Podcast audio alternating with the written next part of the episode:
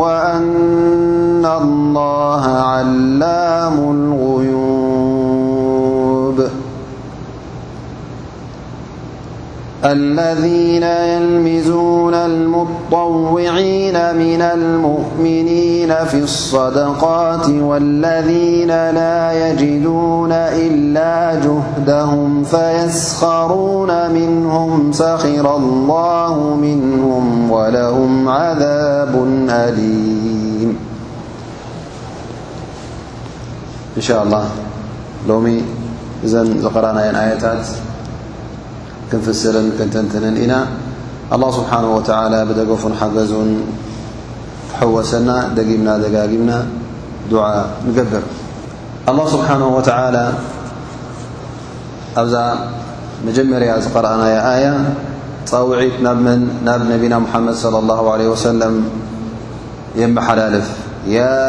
ኣዩሃ ነብዩ እዚ ፃውዒት እዚ ብድሕሪኡ እንታይ ዝተማለየ እዩ ትእዛዝ ንነቢና ሙሓመድ صለ ላሁ ለ ወሰለም ተማልአ ማለት እዩ ኣላ ስብሓን ወተላ እውን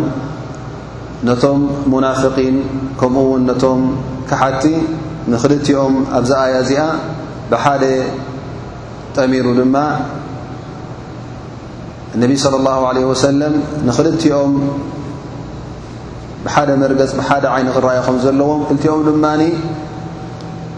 ቃልሲ ከም ዘድልዮም ንነቢና ሙሓመድ صለ ላሁ ለ ወሰለም እናሓበረ ኣንጻሮም እውን ክቃለስ ከም ዘለዎ እዩ ዘርእዮ ዘሎ ማለት እዩ ምናልባሽ እነቢ صለ ላሁ ለ ወሰለም እዞም ሙናፍቒን እዚኦም ብዙሕ ጌጋታት እናፈጸሙ ከለዉ ነቢ ሰለላሁ ዓለይሂ ወሰለም እውን ሸለል ይብልዎም ነይሮም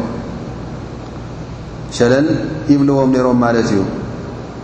ግን ኣብዚ ኣያ እዚኣ ኣላህ ስብሓነሁ ወተዓላ ንነቢና ሙሓመድ ሰለላሁ ዓለይሂ ወሰለም ዝሃቦም ትእዛዝ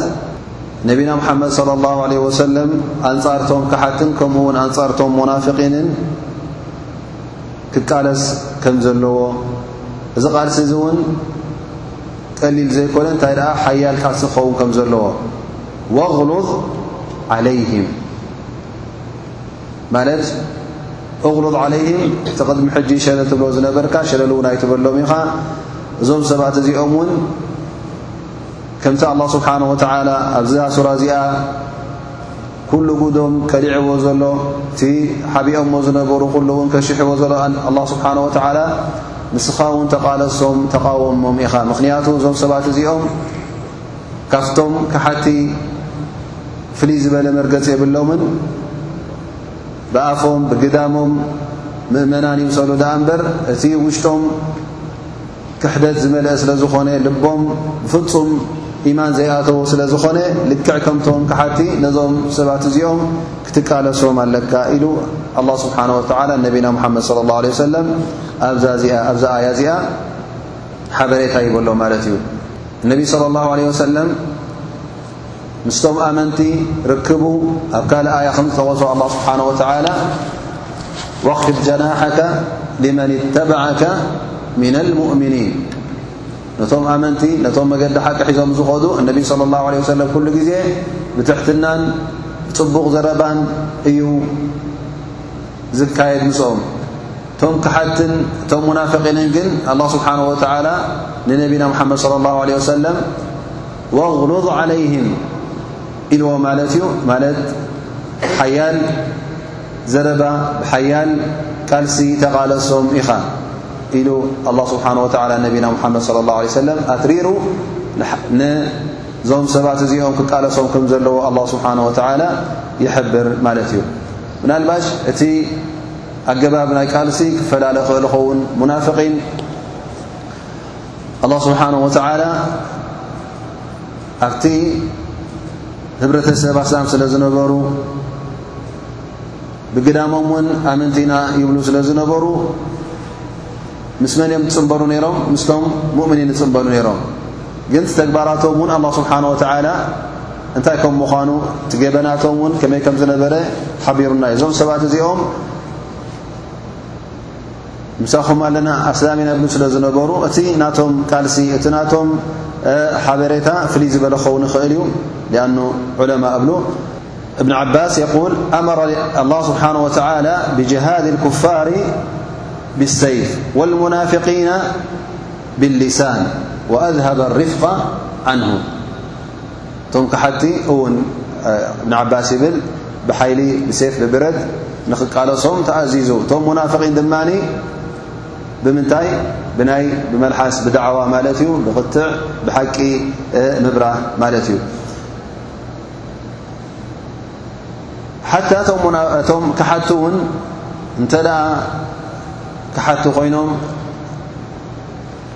ኣማን እንተ ሂብካዮም እውን ኣብ ውሽጢ ህብረተሰብ ኣስላም ዝነብሩ እንተ ኮይኖም ብዝኾነ ይኹን መገዲ ኣብ መንጎኻን ኣብ መንጎኦምን ኪዳን ተገይሩ ብሰላም ይንበር ኣሎ ኮይኑ እውን እቲ ጅሃድ ናቶም እንታይ ይኸውን ነዚኦም ብብረት ወይስ ብዳዕዋ ብዳዕዋን ብምልሓስን ይኸውን ማለት እዩ ዘን ሓታቶም ክሓቲ እውን ሓደ ዓይነት ኣይኮኑን ነናቶም መርተባ ኣለዎም ማለት እዩ ቅድሚ ሕጂ ኣላ ስብሓን ወተላ ኣብዛ ሱራ እዚኣ እቲ ኩሉ ገበናት ሙናፍቒን ዝገብርዎ ዝነበሩ እቶም ክሓቲ ዝገብርዎ ዝነበሩ ኩሉ እቲ ገበናቶም ኣላ ስብሓን ወተላ ገሊጹልና እዩ እሞ ኣብ መጨረሻ እውን እንታይ ዘርእዮ ዘሎ ነቢና ሓመድ ስ ሰለም እዞም ሰባት እዚኦም እዚ ካብ ኮኑ ከምዚ ካብ ኮነ ሓሳባቶም እዚ ካብ ኮነ ድልየቶም ከምዚ ዝኣመሰለ ውዲት ኣንጻር እስልምና ካብ ፈጸሙ ግዴታ እነቢ صለ ላሁ ለ ወሰለም ክቃወሞም ኣለዎ ሱኹ ኢሉ እውን ክሪኦም የብሎምን ምኽንያቱ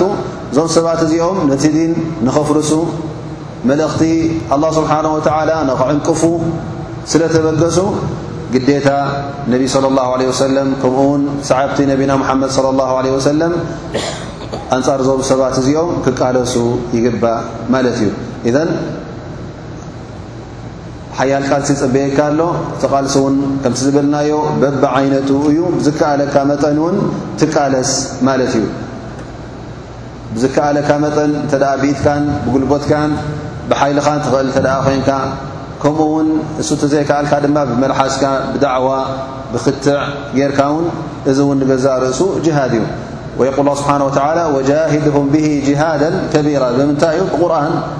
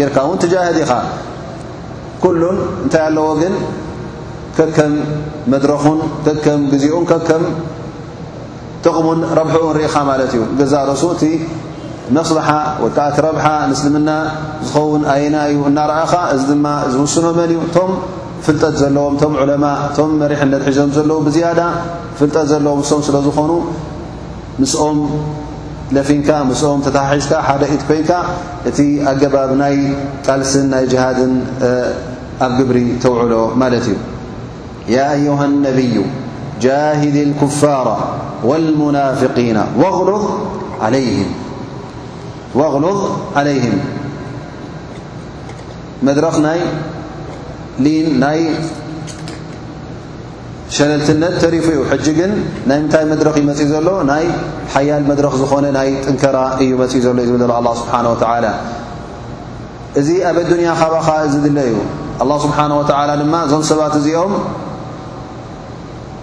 መጨረሽትኦም ንጀሃንም ከም ምዃኑ እዞም ሰባት እዚኦም እውን መገዲ ሓቂ ከም ዝሰሓቱ ጀና እውን ፈፂሞም ከም ዘይኣት ኣብዚ ኣያ እዚኣ የብርሃልና ማለት እዩ ወማእዋሁም ጀሃነም መን እዮም እዚኦም እቶም ኩፋር ካሓቲ ከምኡ ውን እቶም ሙናፍቒን ኣብ ኣዱንያ ወላ እስልምናኦም እንተተቐበልካዮ እኹል ከይመስሎም እስልምና ናይ ብሓቂ ዝኣተዉ ሰብ ጀና እውን ኣይምሰሎም እዞም ሰባት እዚኦም ልክዕ ምስቶም ካሓቲ እዮም ዝቝፀሩ ወማእዋሁም ጀሃንም ኣብ መጨረሻ እውን ቦትኦም ገዝኦም መንበሪኦም ኣበዩ ኣብ ጀሃንም እዩ ወቢእሰ ልመሲር ወቢእሰ መሲር እቲ ዝኸፍአ መንበሪ እቲ ዝኸፍአ መዓልቦ ኸዓ እንታይ እዩ እዚ ጀሃንም ቦታ እሳተ ጀሃንም እዩ እዚ ቦታ ናይዞም ክሓቲ ቦታ ናይዞም ሙናፍቒን ስለዚ ኣላ ስብሓን ወተዓላ እንታይ ዝርእየና ዘሎ ሙናፍቒን ክሓቲ ከም ምዃኖም መጨረሽተኦም እውን ልክዕ ከምቶም ክሓቲ نحوي جهنم كمخانو الله سبحانه وتعالى يبرهلنا الهمالتي ثم يقول الله سبحانه وتعالى يحلفون بالله ما قالوا ولقد قالوا كلمة الكفر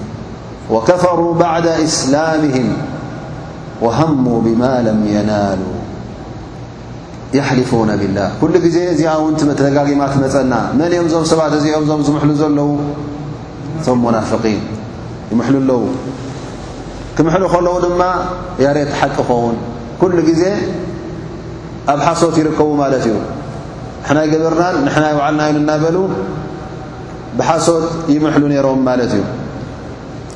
የሕልፉነ ብላሂ ማ ቃሉ ፍፁም ዘረባ ዝይወፀን ካባናን ኢሎም ይምሕሉ ግን ብሓቂ ኣላ ስብሓን ወተላ እንታይ ይብል ወለቐድ ቃሉ ከሊመት ኣልኩፍር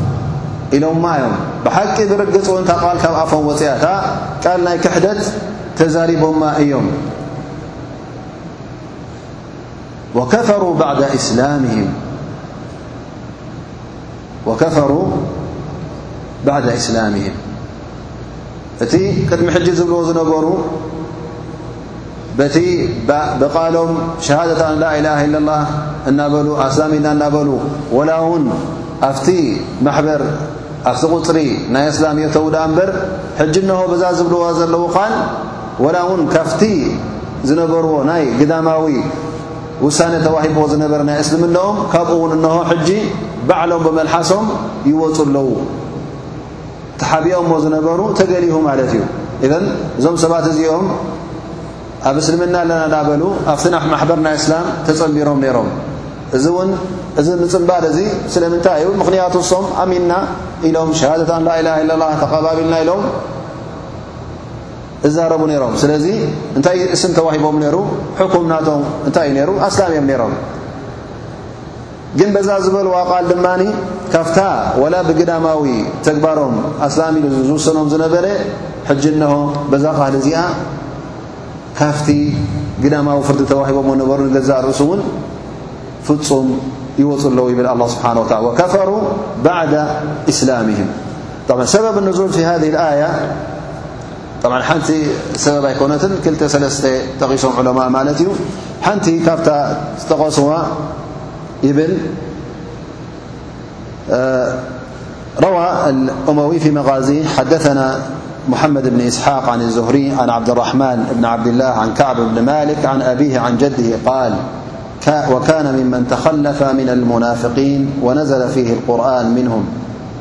ممن كان مع النبي صلى الله عليه وسلم الجلاس بن سويد الصامت وكان على أم عمير بن سعد وكان عمير في حجره فلما نزل القرآن وذكرهم الله بما ذكر مما أنزل في المنافقين قال الجلاس والله لئن كان هذا الرجل صادقا فيما يقول لنحن شر من الحمير فسمعها عمير بن سعد فقال والله يا جلاس إنك لأحب الناس إلي وأحسنهم عندي بلاء وأعزهم علي أن يصله شيء يكرهه ولقد قلت مقالة لئن ذكرتها لتفضحني ولئن كتمتها لتهلكني ولإحداهما أهون علي من الأخرى فمشى إلى رسول الله صلى الله عليه وسلم فذكر له ما قال له الجلاس فلما بلغ ذلك الجلاس خرج حتى أتى النبي صلى الله عليه وسلم فحلف بالله ما قال ما قال عمير بن سعد ولقد كذب علي فأنزل الله عز وجل هذه الآية يحلفون بالله ما قالوا ولقد قالوا كلمة الكفر وكفروا بعد إسلامهم أزحز እንታይ እዩ ዝብል ዘሎ ሓደ ካብቶም ኣብ ግዜ ነቢ صለ ላه ለ ወሰለም ካብቲ غዙ ድሕሪ ዝተረፈ ካብቶም ሙናፍቒን ኣብቲ ጅሃድ ዘይካፈል ዝነበረ መን እዩ ነይሩ ሓደ ኣልጅላስ እብኒ ስወይድ ዝበሃል ካብቶም ሙናፍቒን ፅብፀብ ዝነበረ ማለት እዩ እዚ ሰብ ኣይዙ እቲ ኣያታት ቁርኣን ብዛዕባ ሙናፍቒን ዝጠቅስ ከምዚ ኣብዚ ሱራ እዚ ዝረኣናዮ ምስ ሰምዐ እንታይ ይብል ቃል ለኢን ካነ ሃذ ረጅሉ ሳድቃ የቕሱድ መን ነቢ صለ ላه ለ ሰለም እዚ ነቢ ስ ሰለ መሓመድ እንተ ደኣ ሓቂ ኾይኑ እሞ ንሕናስ ካብ እንስሳ ወይ ከዓ ኣእዱግ ንኽፍእ ማለት እዩ ኢሉ ተዛሪቡ ማለት እዩ ኢዘን እንታይ ዝብል ዘሎ ማለት ንሕና ከምዚ ይኮናን ወይ ከዓ እዚ ከምዚ ኣይንገብር ኢና ኢሉ ነቲ ሓቂ ይነፅጋ ኣሎ ማለት እዩ እዛ ዘረባ እዚኣ ክዛረብ ከሎ ኣብ ምንታይ ኣብ ገዛ እዩ ተዛሪቡ ማለት እዩ ኣብ ቅድሚ መን ኣብ ቅድሚ ዑሜር ዝበሃል ነይሮ እዚ ዑሜር እዚ እንታይ እዩ ወዲ ሰበይቱ እዩ ነይሩ ማለት እዩ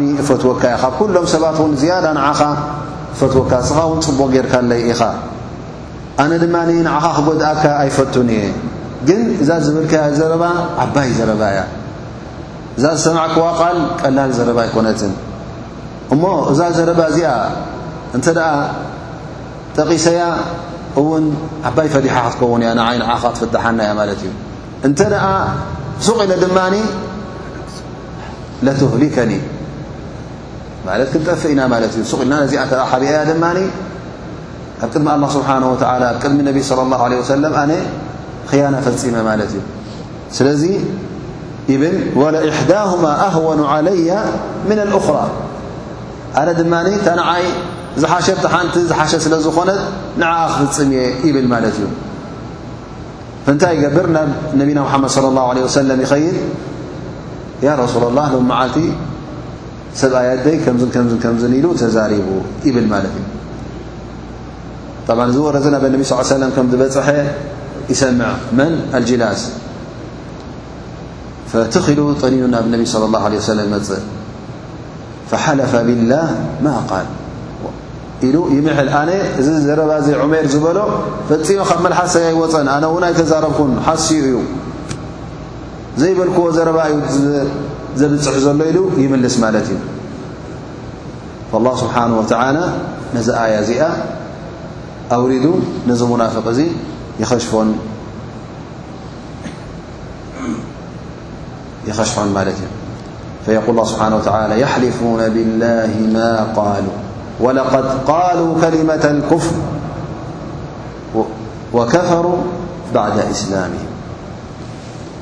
إلى خر الآية فالنبي صلى الله عليه وسلم آي مس وردت يتغسل ملت ي فقالو الجناس آيا مس سمع تبيل تب ون تعري كتم يع من حسن إسلامه ين يبهل ملت ي وفي رواية أخرى كان رواية ونالم زعب زياء متتكس روى الإمام أبو جعفر ب جرير الطبري عن ابن عباس قال كان رسول الله صلى الله عليه وسلم في ظل شجرة فقال إنه سيأتيكم إنسان فينظر إليكم بعيني الشيطان فإذا جاء فلا تكلموه فلم يلبثوا أن طلع رجل أزرق فدعاه رسول الله صلى الله عليه وسلم فقال على ما تشتمني أنت وأصحابك فانطلق الرجل فجاءه بأصحابه فحلفوا بالله ما قالوا حتى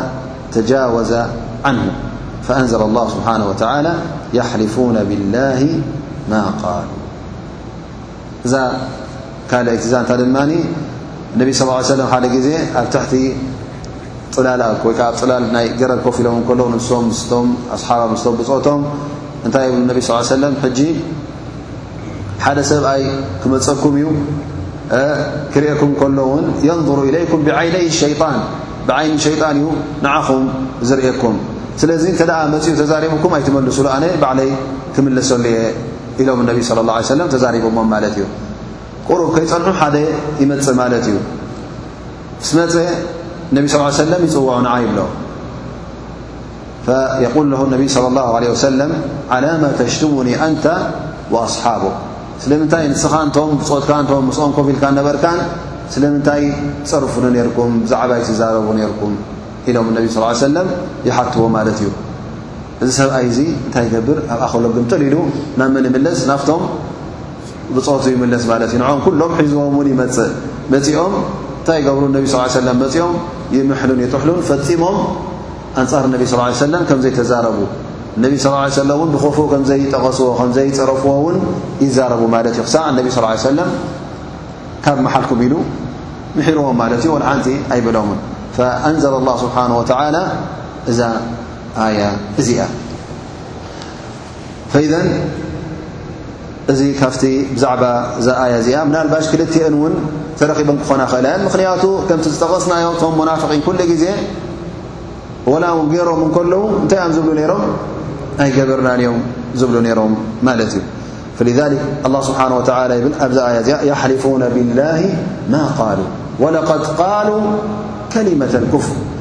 ትዛረብዎ ዝነበረውን ቀሊል ዘረባ ኣይኮነን እንታይ ደኣ ካብ ዲን ዘውጽእ ካብ ኢማን ዘውጽእ እዮም ዝዛረቡ ነይሮም ምኽንያቱ ወይ ብነቢይ صለ ላሁ ለ ወሰለም ይላገጹ ወይ ከዓ ብኣስሓብ ነቢይ صለ ላሁ ለ ወሰለም ይላገጹ ወይ ከዓ በቲ ዲን እነቢይ ስለ ላ ሰለም ሒዞሞ ዝመፁ በቲ ሸሪዓ ይላገጹ ወይ ከዓ ንዕኡ ዘቃልልን ንዕኡ ዘስተናእስን ቃላት እና ኣውጽኡ ክዛረቡ ከለዉ እንታይ እዮም ዝገብሩ ነይሮም? እዚ ቃል እዚ ንገዛእ ርእሱ እንታይ እዩ ኣኸዋና ክሕደት እዩ ልስትህዛእ ብዲን ምስ ንዲንካ ወይ ከዓ ንዲን እስልምና ኮይኑ ነቢና ሓመድ ስ ሰለም ኮይኑ ነቶም ነዚ ዲን እዚ ቐጥ ኣቢሎም ሒዞም ዝሕዙ እንተ ደኣ ከተናእስን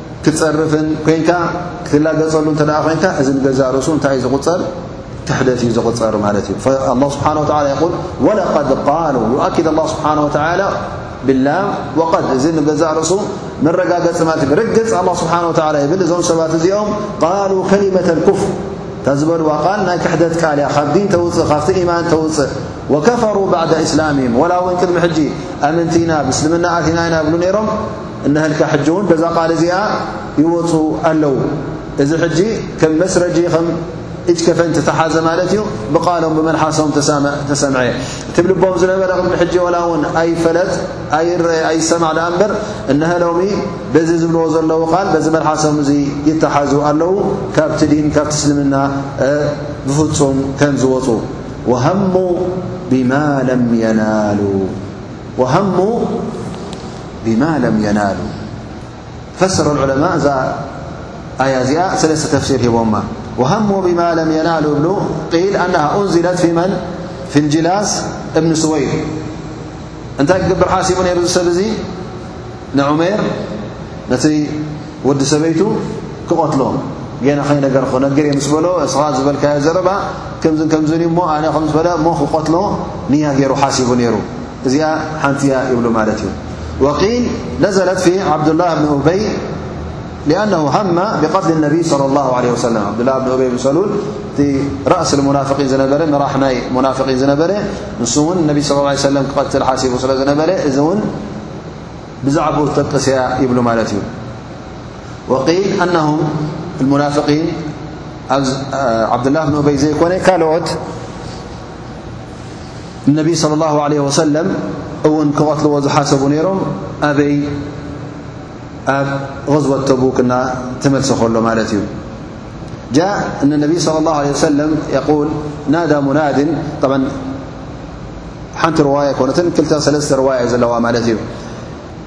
يلرىالحافظأبوبكر البيقي في كتاب دلائل النبوة عن حذيفة بن اليمان رضي الله عنه ال كنت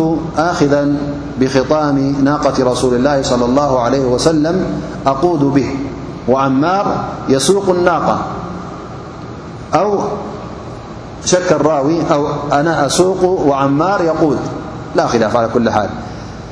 حتى إذا كنا بالعقبة فإذا أنا باثني عشر راكبا قد اعترضوه فيها قال فانتهرهم فانتبهت أو فأنبهت رسول الله صلى الله عليه وسلم بهم فصرخ بهم فولوا مدبرين فقال لنا رسول الله صلى الله عليه وسلم هل عرفتم القوم قلنا لا يا رسول الله قد كانوا ملثمين ولكنا عرفنا الركاب قال هؤلاء المنافقون إلى يوم القيامة هل تدرون ماذا أرادوا قلنا لا قال أرادوا أن يزاحموا رسول الله صلى الله عليه وسلم العقبة فيلقوه منها قلنا يا رسول الله أفلا تبعث إلى عشائرهم حتى يبعث إليك كل قوم برأس صاحبهم قال لا أكره أن تتحدث العرب بينها أن محمدا قاتل بقوم حتى أذهره الله بهم أقبل عليهم يقتلهم ثم قال اللهم ربهم بالدبيلا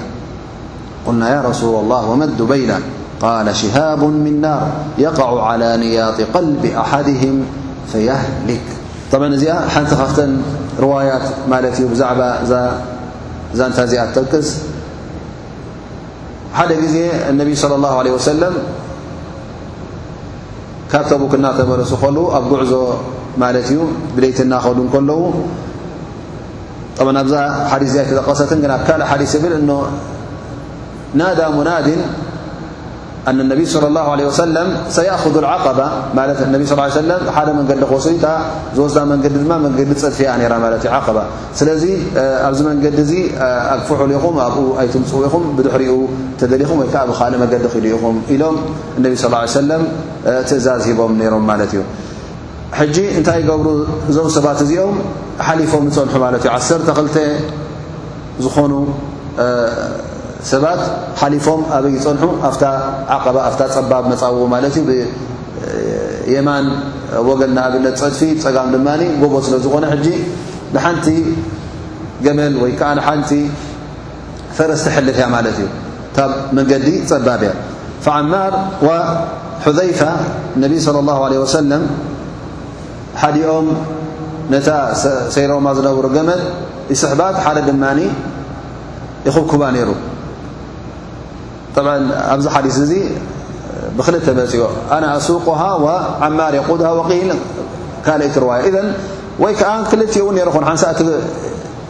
ስሕባት ኻልኣይ ድማ ይኹብኩባ ነሩ ኸውን ኽእል እዩ እዚ ብዘየገድስ ግን እሶም እንታይ የብሉ ሕጂ ሑዘይፋ ኣ ዓማር ከም ዘመሓላለፍዎ እናኸዱ ከለዉ ሕጂ ኣብቲ ቦታ እንታይ ይርዩ ማለት እዩ ዓሰርተ ክልተ ወይ ካብ ዓሰርተ ንላዕሊ ዝኾኑ ሰባት ንረክብ ይብል ማለት እዩ ኣብኡ ደው ኢሎም ዝጸንሑና ኣብኡ ምስ በጻሕኩ እንተባህ ማለት ሰብ ከም ዘሎ ተረዲኡኒ ኢሉ ድምጺ ገበር ነቢ ስ ሰለም እውን ምሰ መጸሎም ከይዶም ይሃድሙ ይብል ነቢ صለ ላه ለ ሰለም ሽዑ እንታይ ይብለና ሃል ዓሪፍቱም ልቀውም ፍሊጥኩምሞም ዶ እቶም እዞም ሰባት እዚኦም ኢሎም ይሓቶም ማለት እዩ ንመን ንዓማሩ ንሕዘይፋ ይብልዎ ያ ረሱ ላ ይፈለጥናዮምን ምኽንያቱ ገጾም ሸፊኖም እዮም ነሮም ካኑ ሙለሰሚን ወላኪና ዓሪፍና ሪካብ እተን ሰሪሮመን ዝነበሩ ግን ፈሊጥናየን ምክንያቱ ኣብቲ ግዜ እቲ እተን ቀቢላታት ኩለን ነናተን ምልክት ነይርዎን ማለት እዩ ናይ ወይ ከዓ ተን እንስሳታት ፍለጣ ናይ መን ናይ መን ከም ምዃነን ናይ ነይቲ ቀቢላ ናይ ነይቲ ዓዲ ከም ምዃነን ዝፍለጣ ነይረና እንታይ ብ ተን ሰሪሮመን ዝነበሩ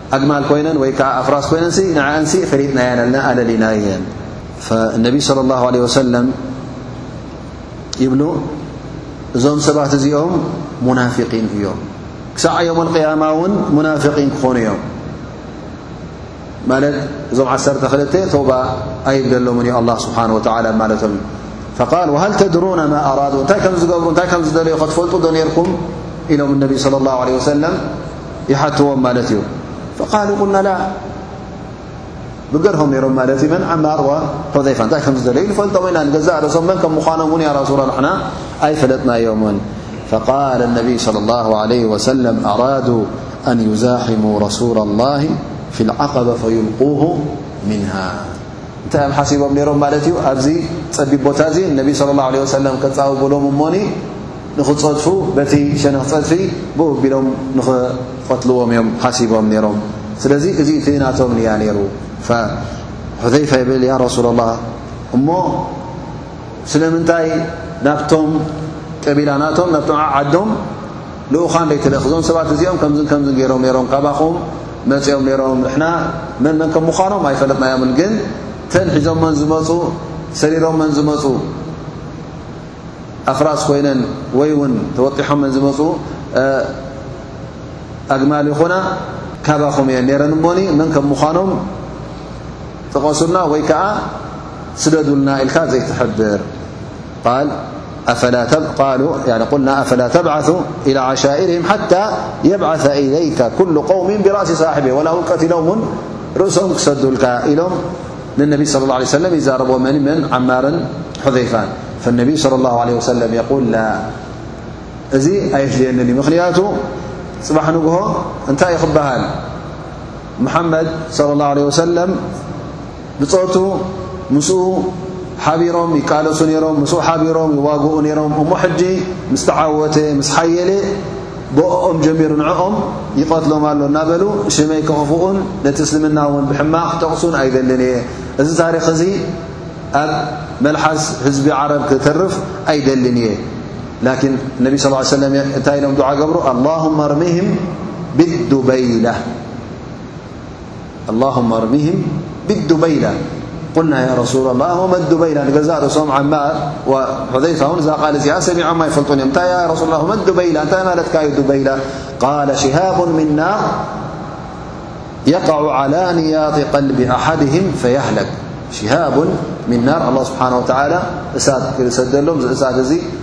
እዚ ኣብ ልቦም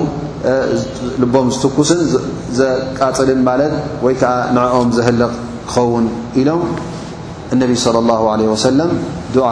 ይገብሩ ማለት እዩ ብ ካልእ ርዋያት እንታይ መፅኦም እዞም ሰባት እዚኦም ዓሰርተ ሓሙሽተ እዮም ነይሮም ዝብል መፅኡ ማለት እዩ ላኪና እነቢ صለ ላሁ ለ ወሰለም እቶም ሰለስተ ናብ ነቢና ሙሓመድ صለ ላሁ ለ ወሰለም መፅኦም ንሕና ያ ረሱለላህ እቲ ጻውዒት ተገበረ ብኡ ይትሕለፉ ኣብኡ ይትጽንሑ ዝተባህለ ኣይሰማዕናን ከምኡ ውን እዞም ሰባት እዚኦም እዞም ምሳና ዝነበሩ ምስኦም ሕና ከድና እዎ ግን እንታይ ከም ዝሓሰቡ እንታይ ከም ዝነየቱ ኣይፈለጥናን ፈያ ረሱለላህ ሕና እዚ ነገር እዚ ኣይነበርናዮም ይብሉ እሞኒ ፈነቢ ስለ ላሁ ለ ሰለም እዞም ሰለስተ እዚኦም ይምሕሮም ላኪን እቶም ዓሰርተ ክልተ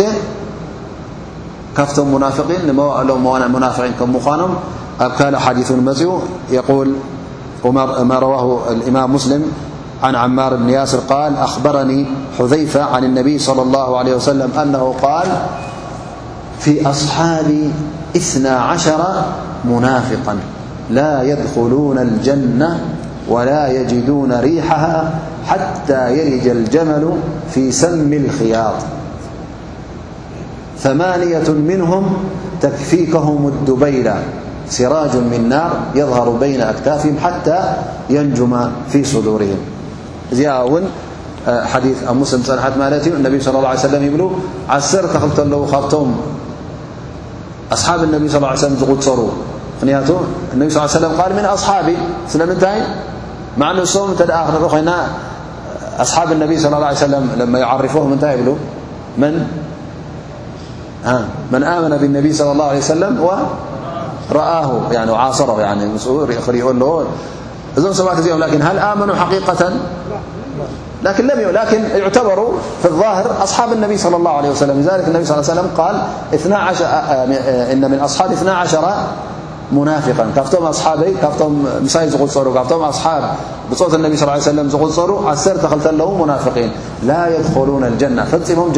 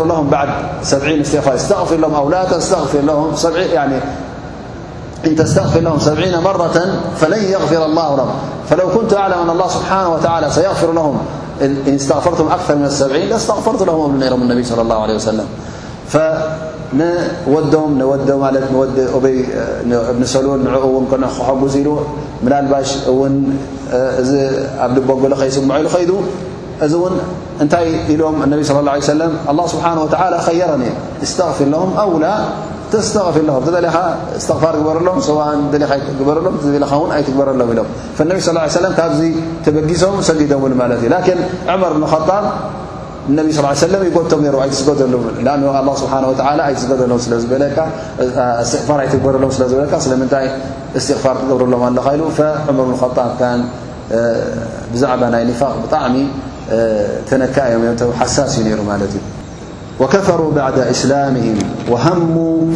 بما لم ينالوا بع وهموا بما لم ينالو إذن هموا بقتل النبي صلى الله عليه وسلم لكنهم لم ينالو ذلك ما حصلو عليه نر ن الله سبحانه وتعالى أيسمرلمن أيرخبون ون أيبحون ي دليتم نر ن دليتم أي سمرلمن ثم يقول الله سبحانه وتعالى وما نقموا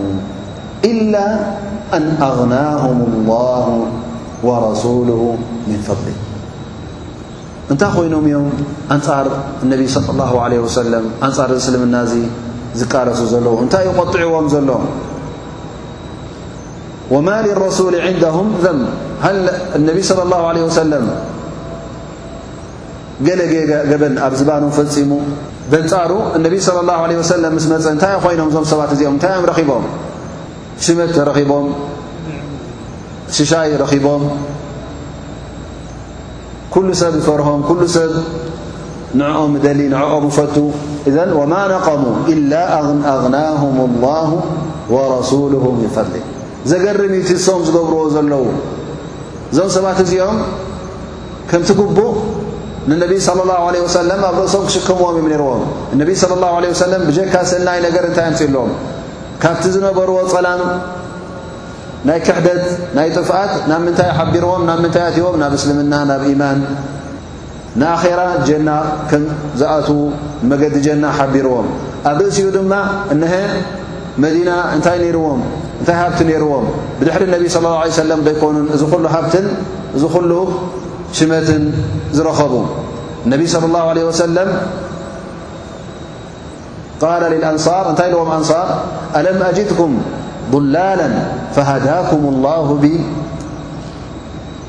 وكنتم متفرقين فألفكم الله بي وعالة فأغناكم الله بي كلما قال شيئا قالوا الله ورسوله أمن النبي صلى الله عليه و سلم زينأنصارتلهم طفት ዘይرክብኩም ኹምን እሞ ካብቲ ጥفትኩም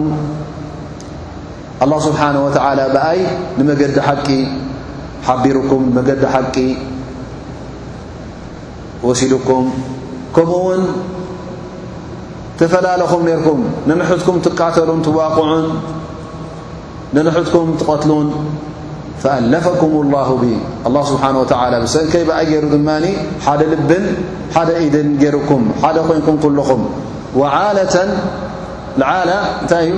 ፍቀራእ ድኻታት ድኻታት እውን ነርኩም ብሰንከይ ድማ ኣላ ስብሓን ወተዓላ ብኣየሩ እውን ኣሃብቲሙኩም ኢሎም እነቢ ስ ሰለም ተዛሪቦሞም እንታይ ብሉ ነይሮም እቶም ኣንሳር ሽዑ ቃሉ ኣላ ወረሱሉ ኣመን እወ ኣላህን ልኡኹን ንሶም እዮም ብሓቂ ንዓና እዚ ኹሉ ገይሮምልና ፈኢዘን ኣንሳር ካኑ ያዕተሪፉን እቶም ብሓቂ ሙእምኒን ያዕተርፉን ይእመኑን ነይሮም ግን ገለገለ ካብኣቶም እዞም ሕጂ ኣንጻር እነቢ ስ ሰለም ዝቃለሱ ዘለዉ እዞም ሙናፊቒን ግን እዚ ዅሉ ረኺቦም እንከለዉ ብሰንኪ እስልምና ሃብቲ እናደለቡ እንከለዉ ብሰንኪ እስልምና ክብረት እናረኽቡ እንከለዉ ጌና ኣንጻሩ ኣንጻር እስልምናን ኣንጻር ነቢና ሙሓመድ صለ ላه ለ ሰለም እውን ይቃለሱ ነሩ ذሊክ ኣላ ስብሓን ወተላ የስፉም ወማ ነቀሙ ኢላ ኣን ኣغናሁም ላሁ ወረሱሉ ምን ፈضሊ ከምቲ ግቡእ እንታይ ክኸውን ነይሮ እዚ ዘገበረልካ ሰብ እንታይ ካ ትገብሮ ትጸልኦ ተንቂም ዓለይ ላ ተኽብሮን ኣብ ርእሲኻ ኮፍ ተብሎ ዳኣ እምበር ከምዝኣመሰለ ኣይትፈድዮን ኢኻ ሰናይ ዝገበረልካ ሰብ ሰናይ ትፈድዮ ምናልባሽ እከይ ዝገበረልካ ሰብ እዚ ሰብ እዚ እከይ ገይሩኒ እሞ ሕነይ ክፍደ ኢልካ ሕነይ ካ ትወፅ እተ ኮይንካ ቅቡል ይኸውን ግን ሰናይ ዝገበረልካ ሰብ ር ዝገበረልካ ሰብ ተገምጢልካ ንስኻ ኣንፃሩ ክትቃለስ ከለኻ ነዚ ሰብ እዚ ንክትጎዲ ክትፍትን ከለኻ እዚ ተግባር እዚ ብጣዕሚ ዘገርም እዩ ወማ ነቀሙ ምንም ከማ ቃል ስብሓ ፊ ኣያት ራ ወማ ነቀሙ ምንም ኢላ ኣን ይእምኑ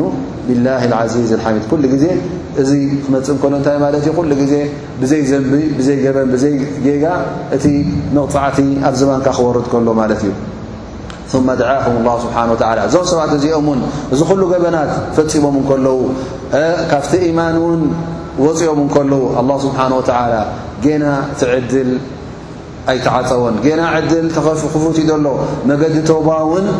ኣይተዓጸወን ንዑ ተውባ በሉ ኢሉ ኣላ ስብሓን ወተዓላ ጌና እውን ይጽውዖም ማለት እዩ ፈእን የቱቡ የኩ ኸይረ ለሁም ፈእን የቱቡ የኩ ኸይረ ለሁም እንተ እዞም ሰባት እዚኦም ተውባ እንተ ኢሎም ካብቲ ዘለዎ መገዲ እንተ ተመሊሶም ካብቲ ዝገብርዎ ዘለዉ ገበናት እንተ ተቖጢቦም ኣላሁ ስብሓን ወተዓላ ቶባ እንተ ደኣ ኢሎም መገዲ ቶባ ክፉት እዩ ቶባኦም እውን ቅቡል እዩ ንዕኦም እውን ዝበለጸን ዝሓሸን እዩ ኣብ ኣዱንያን ኣብ ኣኼራን ይኹን ዝበለጸ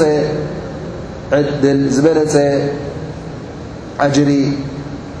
ዝበለጸ ዓስቢ ይጽበዮም ኣሎ ፈእየቱቡ የኩ ኸይረን ለሁም ንዕኦም ዝሓሸ እዩ ኣብ ኣዱንያ ኮይኑ ኣብ ኣኼራ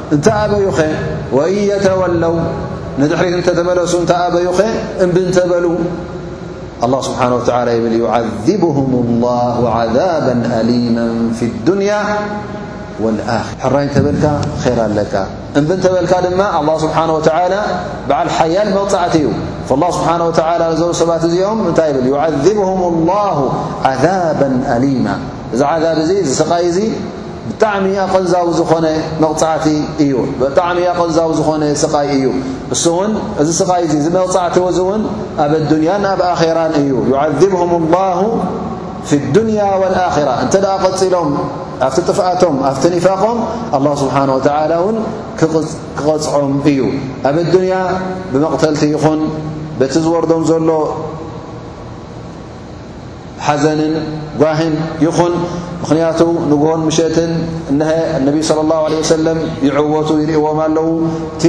ኣንጻሩ ዝቃለሱ ዘለዉ ዲን እውን እንደገና እና ደንፍዐን እናሓየለን እናላዓለን እዩ ዝኸይድ ዘሎ ከምኡ ውን እቲ ዝደልዎ ዘለዉ ናይ ዝእስልምና እዚ ውጥቀትን ናይ ዝእስልምና እዚ ጥፍኣትን እውን ኣይረኸብዎን ስለዚ እዞም ሰባት እዚኦም ብሰንኪ እዙ ዝካየድ ዘሎ ኩነታት ሃም ጓሂ ክሕዞም እዩ። እዚ ንገዛእ ርእሱ ኣብ ኣዱንያ ንዕኦም እንታይ እዩ ጓሂ ሕስረት ዓዛብ ወይ ከዓ ስቓይ እዩ ወይ እውን ኣላ ስብሓን ወተዓላ እውን ከም ዝቕተሉ ክገብር እዩ ምኽንያቱ እንተ ደኣ ከሓድቲ ከም ምዃኖም ኣግሂዶም እንተ ተኸሺፎም ውን መቕጻዕቶም እንታይ እዩ? ከምቶም ካልኦት ከሓድቲ ውን ክቕተሉ እዮም። እዞም ሰባት እዚኦም ኣብ ማእከል እቲ መዓስከር እስልምና ኮይኖም ከበላሽውን ክብትኑን ስለ ተረኸቡ ምናልባሽ እውን እዞም ሰባት እዚኦም ፅባሕ ንጎ ብጣዕሚ ክሽሑ መስረጂ እውን ኣንፃሮም እተ ታሒዙ እዞም ሰባት እዚኦም ኣላ ስብሓን ወተላ ከም ዝቕተሉ ክገብር እዩ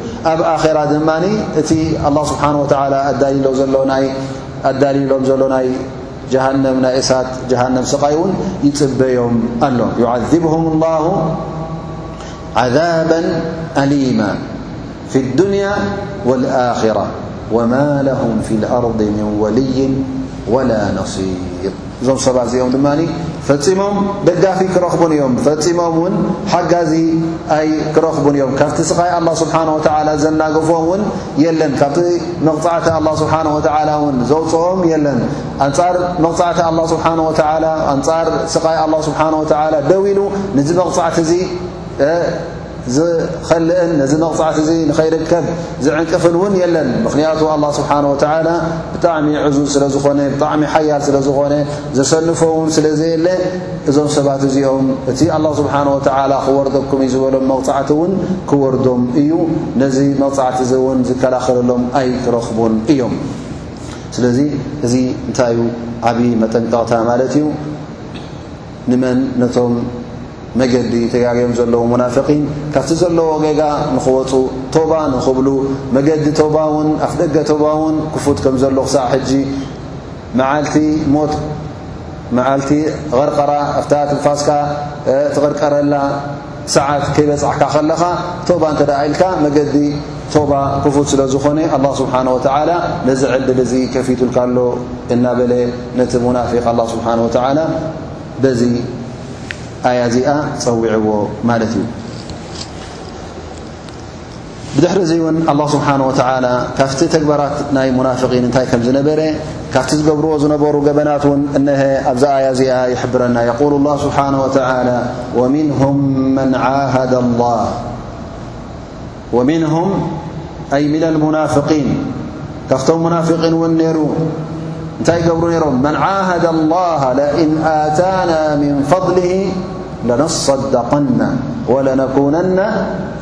ምና ኣሳልሒን ካብቶም ሙናፍቒን እንታይ እዮም ዝብሉ ነይሮም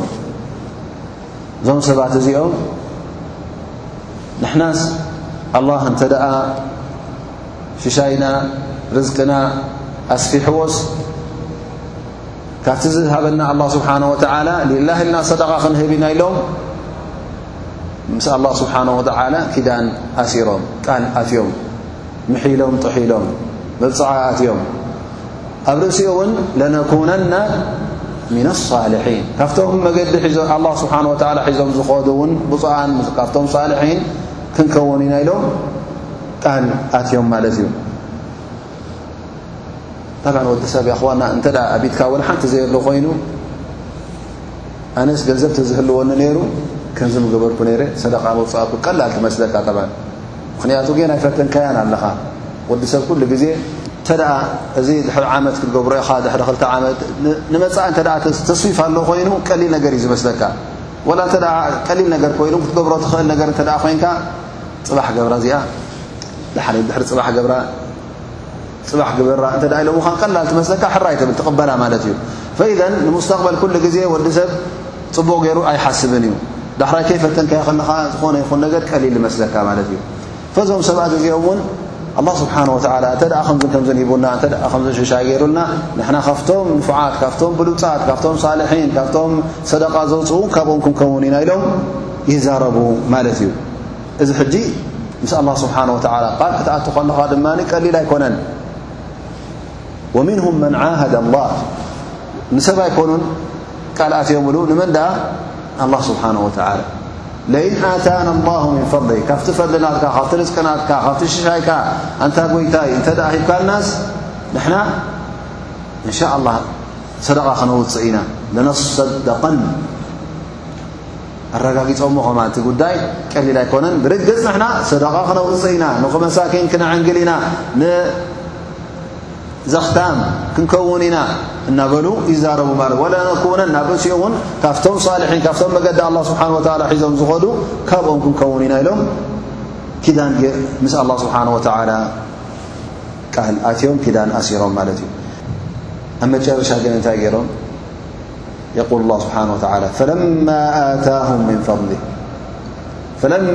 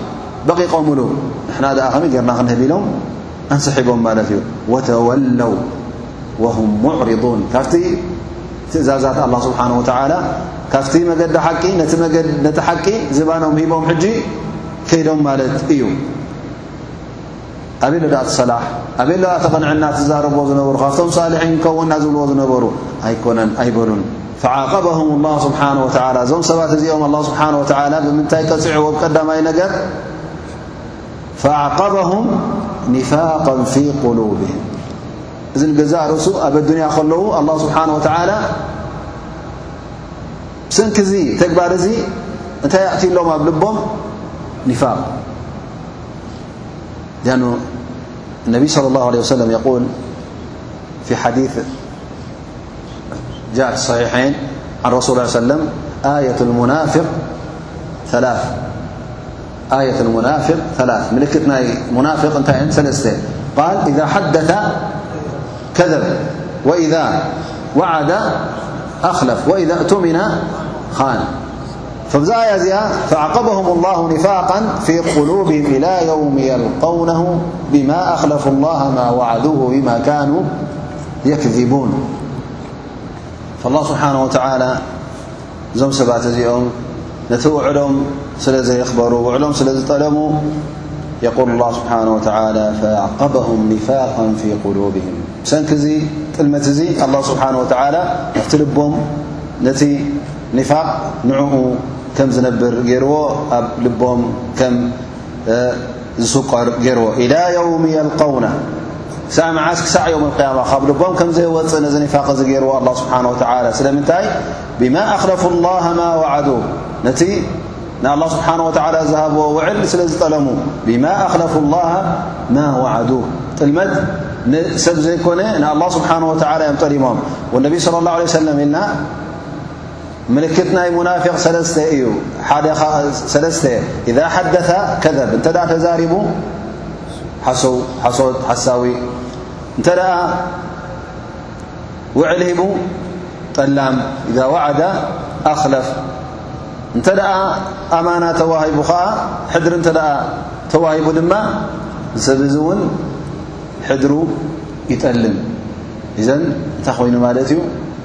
እዚ እዩ እቲ ምልክት ናይ ሙናፍቅ ኢሎምና ነቢ ስ ላ ሰለም ነቢ ስ ሰለም እዚ ጥልመት እዚ ንመን እዩ ወላ እውን ኣብ መንጎ ኻን ኣብ መንጎ ሰብን እተ ኮይኑዎ ሰብ ዝሃበካ ሕድሪ እተ ጠሊብካ ንሰብ ውዕል ሂብካ ውን ውዕልካ እተ ኣሕሲርካ ንውዕልካ እተ ኣፍሪስካ ከምኡ ውን ሓሶት እተ ትዛረብ ኮንካ ሓሳው እተ ኮይንካ እዚ ምልክት ናይ ንፋቅ ኣለካ ማለት እዩ እዚ ምስ ሰብ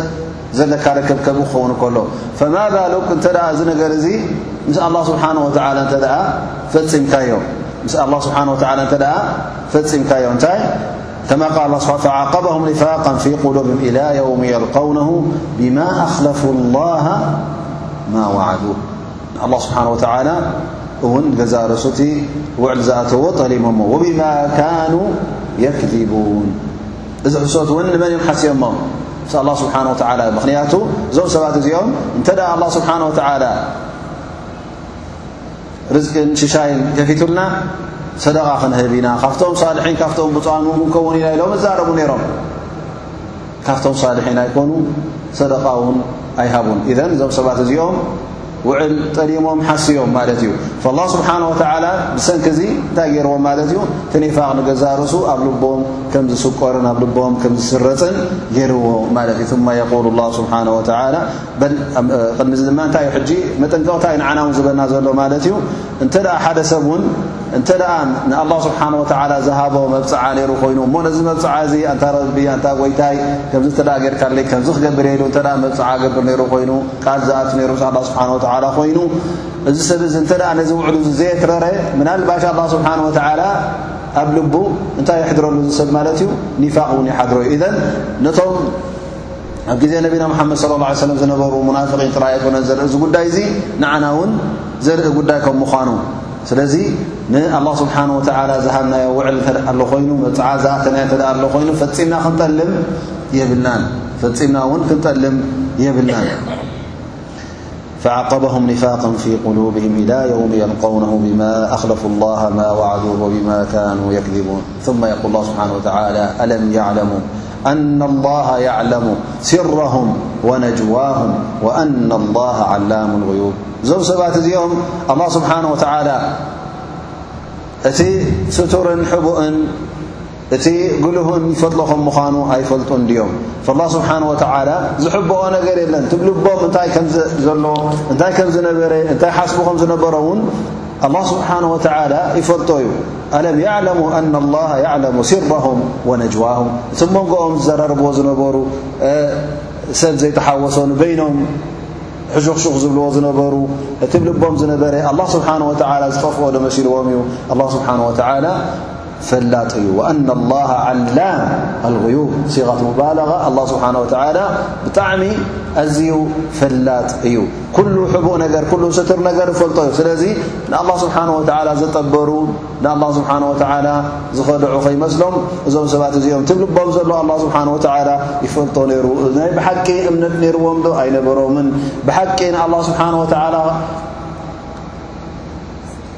ሰደቓ ክንህብ ኢና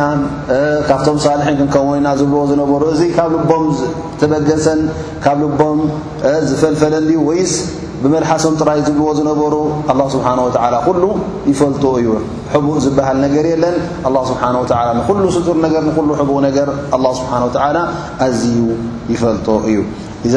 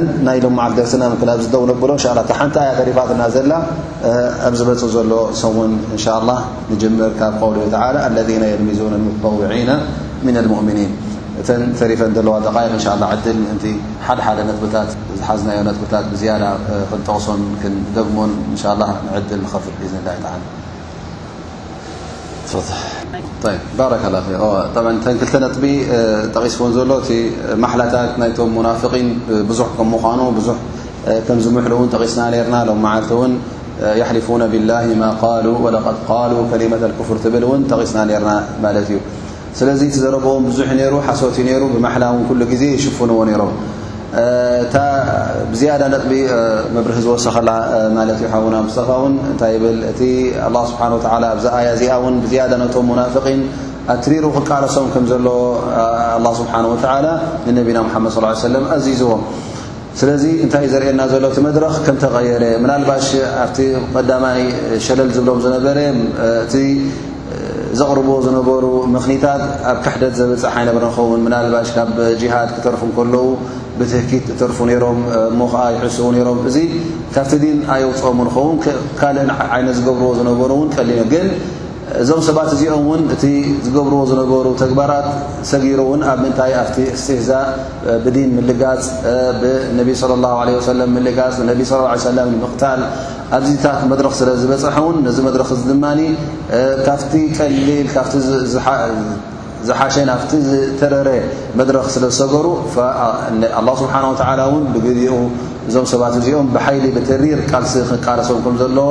ንነቢና ምሓመድ ለ ላ ሰለም ኣዚዝዎም ማለት እዩ እዎ ከምቲ ዝረኣናዮ እቶም ሙናፍቒን ዝገብርዎ ዝነበሩ ብዙሕ ዓይነታት ነይሩ። ገለ ገለ ኣብ ክሕደት ዘስግር ኣይኮነን፣ ግን ምኽኒታት የቕርቡ ነይሮም ጌጋ ክፍጽሙ ከለዉ። ጌጋ እዩ ነይሩ፣ ግን ካብ ዲን ዘውጽእ ኣይኮነን። እንተረኣኻዮ ካልእ ድማ ከምዛ ኣብዚ ኣያ እዚኣ ዝወረደት ወለቐድ ቃሉ ከሊመተ ኣልኩፍሪ ወከፈሩ ባዕደ እስላምህም እዘን ኣብ ክሕደትን ካብ ዲን ዘውጽእን ተግባራት እውን ገይሮም ማለት እዩ። ኣብዚ ነገር እዚ ኣብዚ መዳይ ወይ ከዓ ኣብዚ መድረኽ እዚ ክበጽሑ ከለዉ ግዴታ ብሓይሊ ክምለጸሎም ኣለዎ፣ ብሓይሊ ድማ ክግለጸሎም ኣለዎ ማለት እዩ። እዚ እቲ ሓንቲ ነጥቢ እቲ ካልኣይ ነጥቢ ድማ እታ መጨረሻ ዝጠቐስናያ ማለት እዩ ሓደ ወዲ ሰብሲ ምስ ኣላ ስብሓን ወተዓላ ቃል ክኣቱ ወይ ከዓ ውዕል ገብር ከሎ መብፅዓ ክኣቱ እንተ ኮይኑ ግዴታ ነዚ መብፅዓ እዚ ከፅንዖ ኣለዎ ኣቲ ርኩዑ ዘለዎ ንገዛእ ርእሱ እነቢ ስለ ላ ለ ወሰለም እውን ብዛዕባ ነድር ክጠቕሱ ከለዉ እነሁ እንታይ ኢሎም ላ ያእቲ ብኸይር ኩሉ ግዜ መጀመርያ ነድር ክጅምር የብልካን ምኽንያቱ ወዲ ሰብ ከምቲ ዝበልናዮ መጀመርያ